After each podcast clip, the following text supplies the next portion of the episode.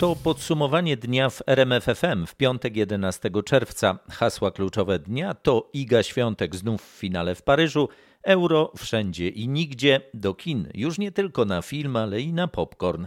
Grzegorz Jasiński, zapraszam. Zaczynamy jednak od sytuacji pandemicznej. Ministerstwo Zdrowia poinformowało dziś o 341 nowych zakażeniach koronawirusem w Polsce. Na COVID-19 zmarło 68 osób. Wykonano blisko 55 tysięcy testów. W szpitalach jest wciąż 2359 chorych na COVID-19 osób. Pomocy respiratora wymaga 350. Do restauracji, na koncert czy do kina jako zaszczepieni poza limitem wejdziemy dopiero po 14 dniach od drugiej dawki szczepionki. Rząd zmienia zasady wykorzystywania certyfikatów covidowych.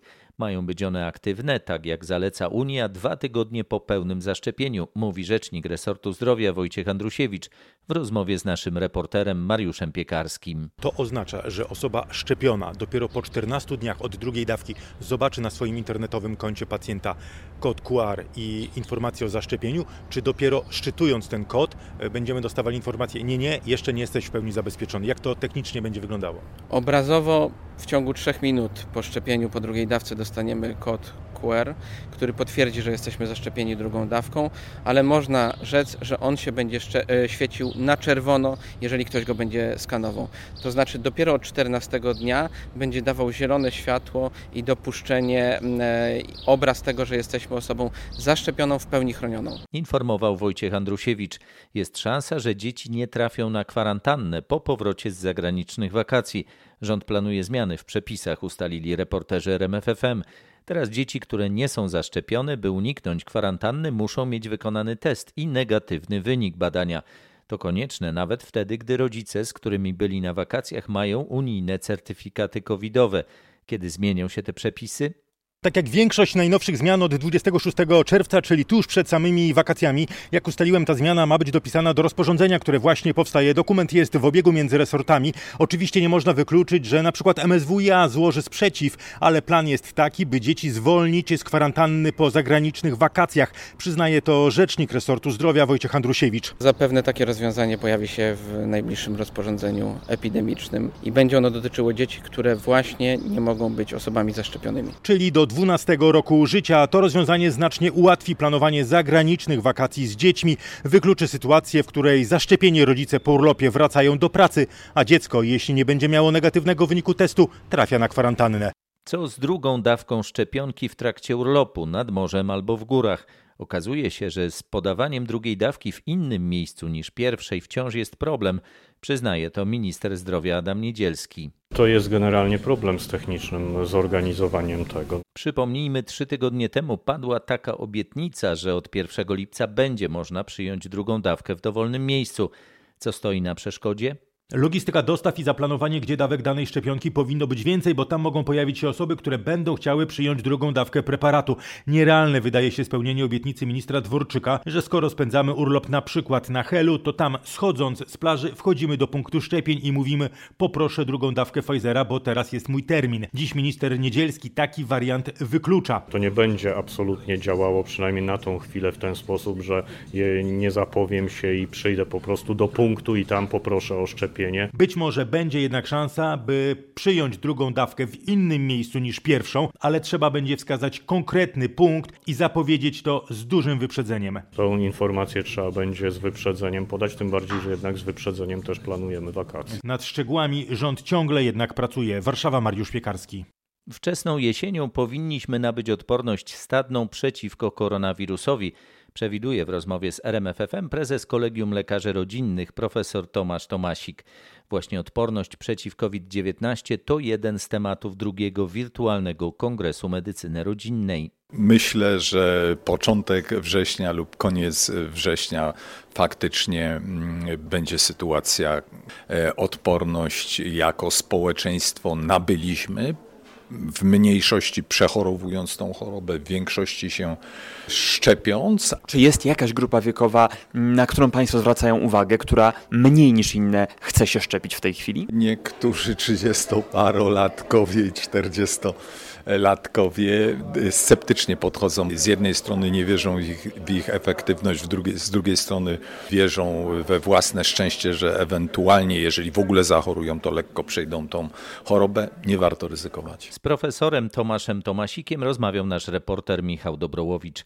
Udział w wirtualnym kongresie medycyny rodzinnej jest bezpłatny. Szczegóły są na portalu Twoje zdrowie rmf24.pl. Iga Świątek i Betani Matek Sanz awansowały do finału debla wielkoszlemowego turnieju French Open.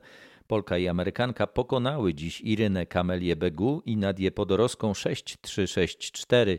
W niedzielnym finale zmierzą się z Barborą Krejcikową i Kateriną Siniakową, które pokonały dziś w półfinale Magdalinet i Bernardę Pere. 51 meczów, pierwszy z nich już dziś wieczorem, ostatni finałowy za miesiąc. Ruszają piłkarskie Mistrzostwa Europy. W meczu otwarcia w Rzymie Włochy potykają się z Turcją. W ten sposób pomysł Michela Platiniego dziś stał się faktem. To właśnie Francuz wymyślił jubileuszowe euro rozrzucone po całym kontynencie, tak by piłka połączyła Europę. Pomysł od początku wydawał się szalony, a potem doszła jeszcze pandemia, która wszystko pozmieniała. O szczegółach Patryk Serwański. Na ostatniej prostej z organizacji turnieju wycofały się Dublin i Bilbao. Tam mieliśmy grać, zamiast tego mamy Sankt Petersburg i Sewillę. Polacy musieli także zmienić bazę na euro, bo chcieli mieszkać na obrzeżach Dublina. Zamiast tego jest Sopot, no i długie podróże samolotami.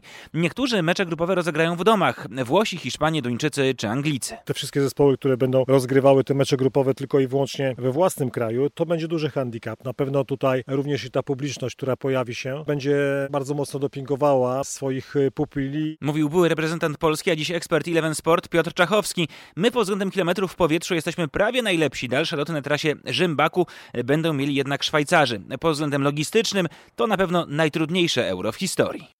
Ostatecznie euro zostanie rozegrane na 11 stadionach i właśnie z tego powodu trudno poczuć atmosferę mistrzostw. No jest na pewno inaczej. Byłem e, na mistrzostwach, gdzie euro było u nas. Teraz jest kilka państw i ja osobiście jeszcze tego tak nie odczuwam, ale pewnie dzisiaj wieczorem, kiedy usiądziemy do meczu otwarcia, to już wtedy poczujemy tą atmosferę euro. Mówił jeszcze przed wieczornym meczem obrońca reprezentacji Polski Maciej Rybus. Przypomnijmy jeszcze zasady turnieju. Sześć grup, w każdej cztery drużyny z 24 zespołów do fazy pucharowej, czyli do jednej ósmej finału awansuje 16 reprezentacji. Awans daje więc pierwsza i druga lokata, ale to nie koniec. Zostają nam bowiem cztery wolne miejsca. Tu decyduje właśnie kolejność drużyn z trzecich lokat. Cztery zagrają dalej, dwie odpadną. Teoretycznie więc jedno zwycięstwo w grupie i niezły bilans bramek dadzą awans. I warto walczyć o to trzecie miejsce. Pięć lat temu na Euro we Francji Portugalia w swojej grupie była właśnie trzecia. Zremisowała trzy spotkania. Jak to się dalej potoczyło pamiętamy. Portugalczycy w finale pokonali Francuzów, zdobyli puchar. Tym razem obie drużyny zagrają już w grupie. Powtórka finału z 2016 roku 23 czerwca w Budapeszcie. Polska pierwszy mecz na mistrzostwach zagra w poniedziałek ze Słowacją. Jan Bednarek nie wziął dziś udziału w treningu piłkarskiej kadry w Gdańsku, gdzie kadrowicze przygotowują się do poniedziałkowego meczu. Sztab deklaruje, że uraz obrońcy nie jest poważny, ma to być kontuzja, której Bednarek nabawił się jeszcze w końcówce sezonu klubowego. Dlaczego jednak zabrakło go dziś na treningu? To, że go nie ma na boisku nie oznacza, że on leży w łóżku i odpoczywa, nie, po prostu ma inny plan treningowy na siłowni z fizjoterapeutami. Mówił rzecznik PZPN-u Jakub Kwiatkowski. Warto dodać, że wszystkie testy na obecność koronawirusa u naszych reprezentantów dały wczoraj wynik negatywny. Zdaniem legendy polskiej piłki Włodzimierza Lubańskiego Włosi są obok Francuzów i Belgów głównymi faworytami turnieju, a Polska powinna celować wyżej niż tylko wyjście z grupy. Byłem w Warszawie niedawno, słyszałem taką, taką opinię niektórych nawet zawodników, że, że no, będziemy zadowoleni, jak wyjdziemy z grupy. Wydaje mi się, że postawienie tak sprawy jest, jest niedobre. Trzeba jechać po to, żeby coś konkretnego zdobyć, a dla mnie konkretne, konkretna zdobycz to jest pula medalowa. Ci zawodnicy, którzy nas reprezentują dzisiaj, grają w bardzo dobrych klubowych zespołach europejskich. Dlaczego mamy się bać? Nie no, serce podpowiada, żeby panu przyklasnąć w tym momencie i wszyscy byśmy tego oczywiście chcieli, ale za chwilę włącza się rozum i pyta, czy ten sukces, o którym pan mówi, czyli strefa medalowa, jest do wzięcia? Na takiej imprezie wszystko jest możliwe. Jak się dobrze poukłada wszystko od początku, jest to możliwe. Oczywiście droga do tego jest bardzo, bardzo ciężka, bardzo trudna ale jest to możliwe, no bo przecież oni będą grali z, z, kolegami, z którymi grają w ligach europejskich. No niech im pokażą, że my jesteśmy lepsi aniżeli oni. Rozmowa Marcina Zaborskiego z Włodzimierzem Lubańskim jest na rmf24.pl. Z okazji euro mieszkańcy klatki bloku przy ulicy Koralowej 4 w Lublinie udekorowali swoje balkony biało-czerwoną flagą od ziemi aż po dach. Wierzą, że przyniesie to szczęście naszym piłkarzom. 12 chyba ma wysokość i 2,60 szerokość. Na ostatnie euro dziewczyny chyba pół dnia to strzywały, dziergały razem, żeby biało z złączyć. Czyli te jeszcze sąsiadki do tego to szyły, tak? Tak jest. No jak ta flaga Wam się podoba? E, Flaga piękna, to naszych sąsiadów. To bardzo fajny pomysł, bardzo fajna inicjatywa i super, że sąsiedzi się tak integrują w całej klatce. No to może e, do naśladowania w Waszej klatce również. Postaramy się, nie wiem czy dorównamy, ale pomyślimy, pomyślimy. Usłyszał nasz reporter Krzysztof Kot. Prezes Trybunału Sprawiedliwości Unii Europejskiej przychylił się do wniosku Parlamentu Europejskiego o rozpoznanie w trybie przyspieszonym spraw dotyczących mechanizmu warunkowości służącego ochronie budżetu Unii w przypadku naruszenia praworządności w państwach członkowskich. Rozprawa odbędzie się 11 i 12 października. To oznacza znaczne przyspieszenie. Polska i Węgry liczyły, że mechanizm ten będzie stosowany najwcześniej za dwa, a może nawet za trzy lata, wymuszając na szczycie w grudniu zapis o tym, że Komisja Europejska musi poczekać z wytycznymi w sprawie mechanizmu na wyrok CUE, który stwierdzi, czy jest on zgodny z unijnym prawem. Polska i Węgry chciały odwlec jego stosowanie. Parlament Europejski poprosił jednak w maju o tryb przyspieszony, na co zgodził się właśnie prezes CUE. Jeżeli rozprawa ma odbyć się w październiku, to orzeczenie można się spodziewać do końca roku. Komisja Europejska już teraz sprawdza, czy są jakieś przypadki naruszenia praworządności, które mają wpływ na unijne finanse i od nowego roku, już połowy roku CUE, zacznie prawdopodobnie zawieszać lub wstrzymywać unijne wypłaty. Informuje korespondentka RMFFM w Brukseli Katarzyna Szymańska-Borginą. Czy budowa gazociągu Baltic Pipe jest zagrożona? Takie pytanie w Szczecinie zadano dziś premierowi Mateuszowi Morawieckiemu. Ta inwestycja myślę, że w dłuższej perspektywie nie jest zagrożona inwestycja Baltic Pipe, ale rzeczywiście dzisiaj, w sensie w ostatnich kilku dniach, agencja środowiskowa duńska powstrzymała na jakiś czas, mam nadzieję, że na krótkich parę miesięcy, pracę ze względu na siedliska myszy, nietoperzy, które tam się znajdują. Trzeba przeprowadzić teraz dodatkowe badania konieczne do oceny, czy inwestycja może zniszczyć lub uszkodzić tereny rozrodu lub odpoczynku wskazanych gatunków zwierząt. Duńska Agencja Ochrony Środowiska twierdzi, że zdobycie nowej decyzji środowiskowej zajmie minimum 7 miesięcy. Rurociągiem Baltic Pipe gaz popłynąć ma z Norwegii przez Danię do Polski. Niezniszczalna relacja, tak o stosunkach USA-Wielka Brytania mówi Boris Johnson, a słowa brytyjskiego premiera przytaczają media w Stanach Zjednoczonych. Przed wizytą Joe Bidena w Europie prasa w USA zastanawia się, czy Johnson, któremu blisko było do Donalda Trumpa, będzie w stanie nawiązać dobre relacje z nowym przywódcą USA. Podkreśla się tutaj, że Boris Johnson zachował się w stosunku do Joe Bidena jak do starego przyjaciela. Spacery, rozmowy i wideo nagrania opublikowane w mediach społecznościowych pokazujące silny sojusz i wspólne cele. Te specjalne relacje, jak zapewnił Biden, się nie zmieniły. Potwierdziliśmy specjalne relacje między naszymi narodami i odnowiliśmy nasze zaangażowanie w obronę trwałych wartości demokratycznych, które są wspólne dla obu narodów. Cytują media w USA słowa Joe Bidena. Opinię za oceanem zebrał nasz korespondent Paweł Żuchowski.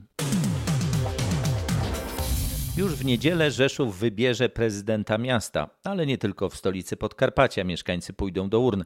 Przedterminowe wybory zaplanowano także w pięciu miejscach na Dolnym Śląsku. Kto i gdzie będzie tam wybierany? Między innymi w Bogatyni, gdzie wybierany będzie nowy burmistrz. Poprzedni zrezygnował. Kandydatów na stanowisko jest sześciu. Wybory miały być 15 listopada ubiegłego roku, ale przez epidemię koronawirusa się nie odbyły. W województwie dolnośląskim 13 czerwca przedterminowe wybory będą także w Lubaniu, Boguszowie Gorcach, Kątach Wrocławskich i Malczycach. Oprócz tego mieszkańcy niektórych miast i gmin zagłosują w niedzielę w wyborach uzupełniających do rad miejskich i gmin. Informował Paweł Pyclik. W zachodniopomorskiem do urn pójdą mieszkańcy siedmiu gmin. W Białym Borze, Brojcach, Płotach i Łobzie mieszkańcy wybiorą lokalnych radnych. W Dobrzanach czekają wybory burmistrza po tym, jak dotychczasowa pani burmistrz zmarła jesienią ubiegłego roku. Kandydatów na jej następcę jest troje. Podobnie w Boleszkowicach. Tam wójt jesienią przegrał z COVID-em. Do wyborczej walki staje aż siedem osób. Z kolei w gminie Będzino pod Koszalinem odbędzie się referendum w sprawie odwołania wójta. Na współpracę z nim bardzo narzekają lokalni radni, którzy zarzucają mu m.in. nierealizowanie zaplanowanych inwestycji. Wylicza nasza reporterka Aneta Łuczkowska.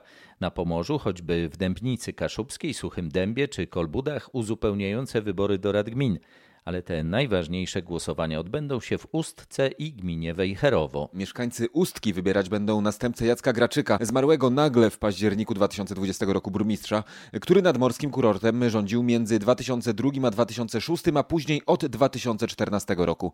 W wyborach zarejestrowało się aż sześcioro kandydatów. Czterech jest z kolei chętnych do zajęcia fotela wójta gminy Wejherowo.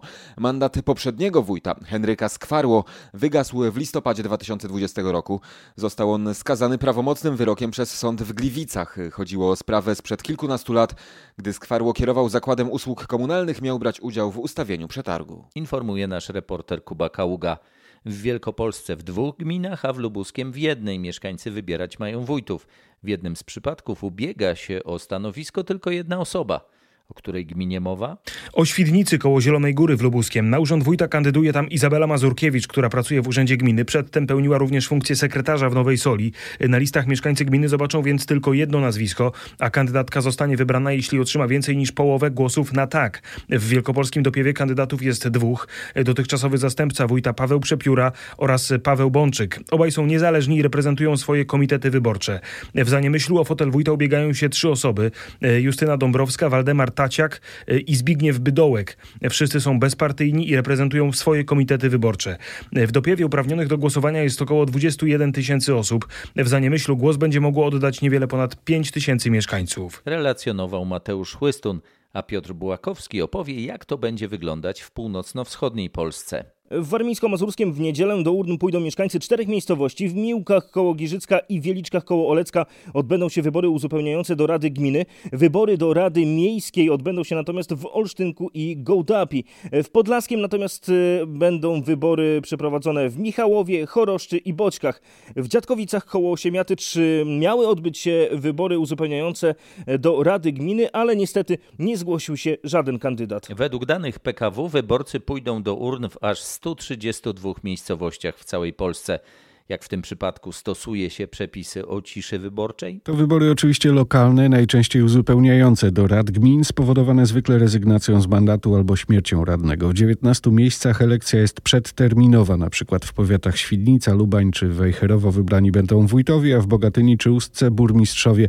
Jedynym miastem, gdzie wybierany będzie prezydent jest właśnie Rzeszów. Cisza wyborcza obowiązuje zaś na terenie, którego wybory dotyczą. Zabronione jest organizowanie zgromadzeń, wygłaszanie przemówień i rozpowszechnianie materiałów wyborczych. Prowadzenie agitacji, czyli publiczne nakłanianie do głosowania na określonego kandydata zakazane jest także w mediach obejmujących swoim zasięgiem teren, na którym przeprowadzane są wybory. Dotyczy więc także internetu.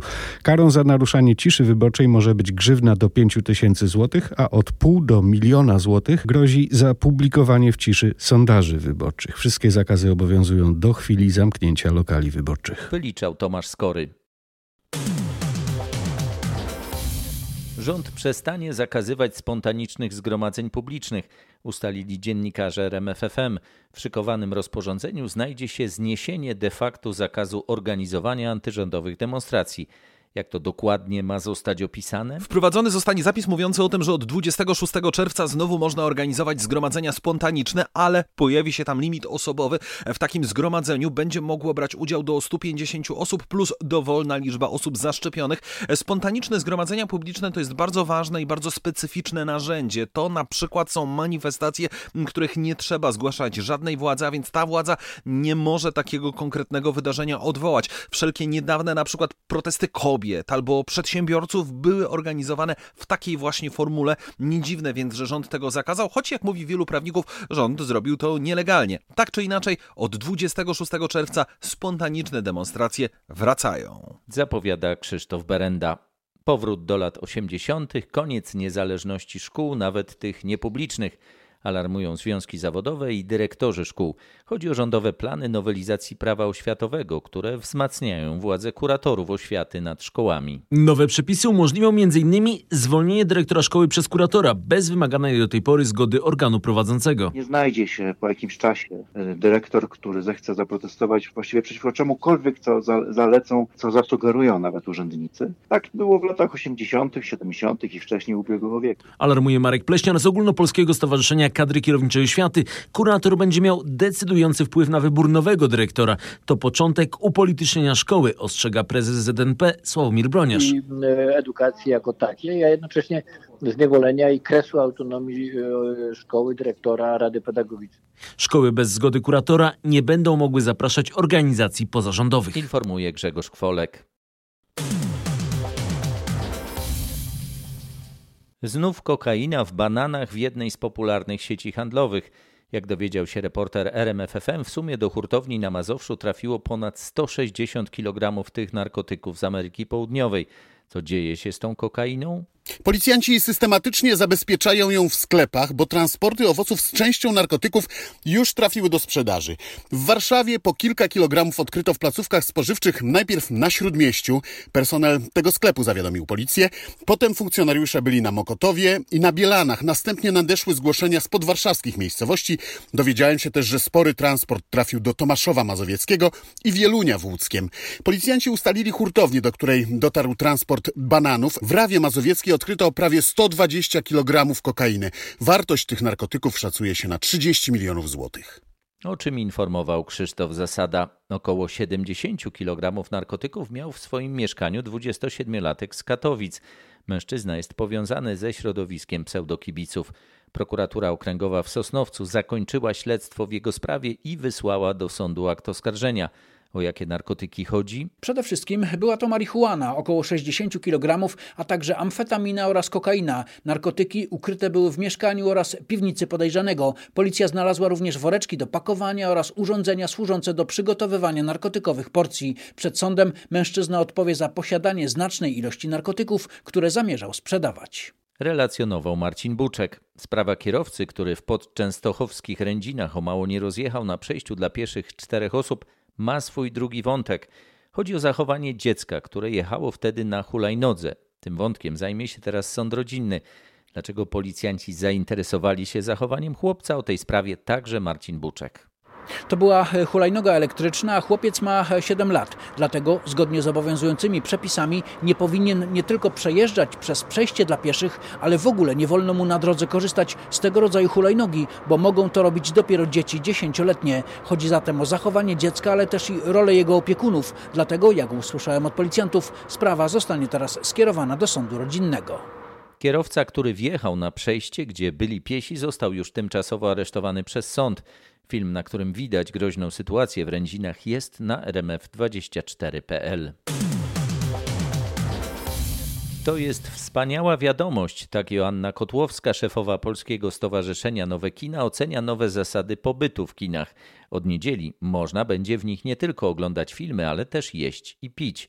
Od 26 czerwca limit zajętych miejsc zostanie podniesiony z 50 do 75% a osoby zaszczepione nie są wliczane do limitów. Czy to państwo sprawdzają jako kina, czy też każdy bierze na siebie odpowiedzialność z widzów? My oczywiście kiniarze, jak i w żadnym innym miejscu nie możemy i nie powinniśmy legitymować nikogo, natomiast e, na pewno będzie bardzo jasno przedstawiona informacja, że jeżeli ktoś decyduje się na zakupienie miejsca dla osoby zaszczepionej, no to musi mieć ze sobą oczywiście zaświadczenie, gdyby się zdarzyła taka sytuacja, że trzeba by było to pokazać. Z Joanną Kotłowską spotkała się nasza dziennikarka Katarzyna Sobiechowska-Szuchta.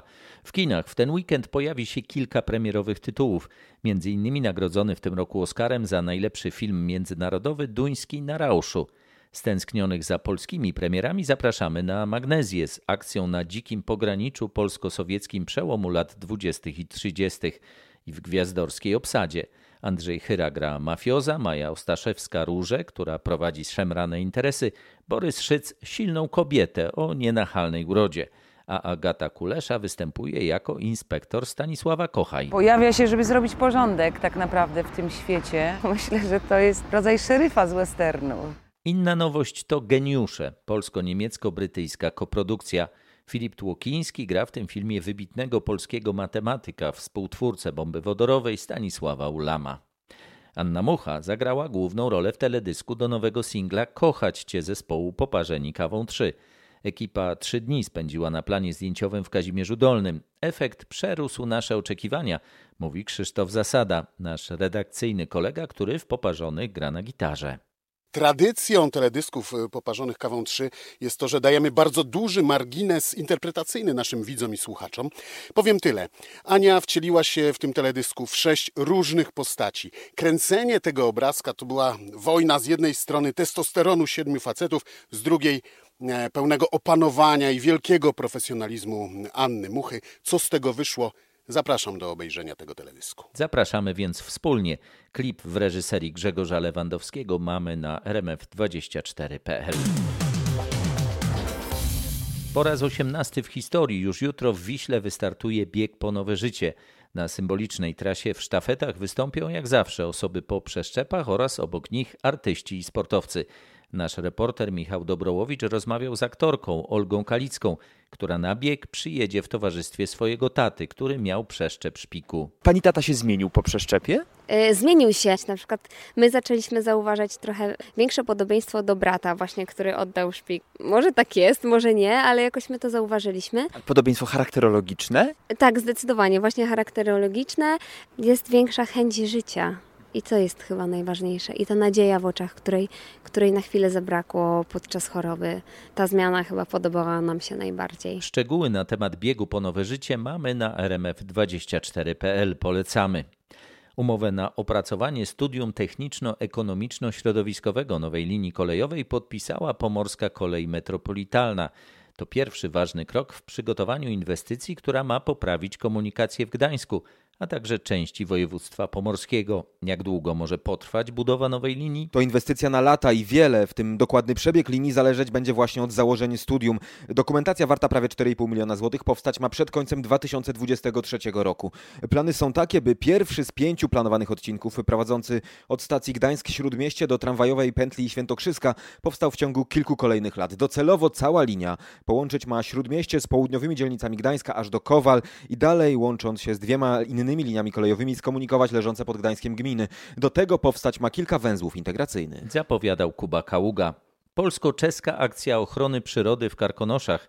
Dziś na Śnieżce i Przełęczy pod Śnieżką montowane były specjalne siatki mają chronić najcenniejsze górskie murawy przed bezmyślnością zadeptujących je turystów. Niestety ignorują te znaki informujące o tym, żeby nie przechodzić na drugą stronę łańcuchów i lin. Na szczycie Śnieżki pojawią się siatki. To są siatki, które nie wyglądają ładnie. Można powiedzieć, że są troszeczkę prowokacyjne, ale jest to pewna fizyczna bariera, która być może spowoduje, że ci turyści, którzy traktują wysokogórskie murawy jak trawnik w parku parku miejskim, że zechcą jednak wziąć pod uwagę to, że są to unikatowe zbiorowiska roślinne. Mówiła Monika Rusztecka z Karkonoskiego Parku Narodowego. Tyle na dziś. Na kolejne podsumowanie dnia w RMFFM zapraszam już w poniedziałek wieczorem. Grzegorz Jasiński, dziękuję, dobrej nocy i dobrego weekendu.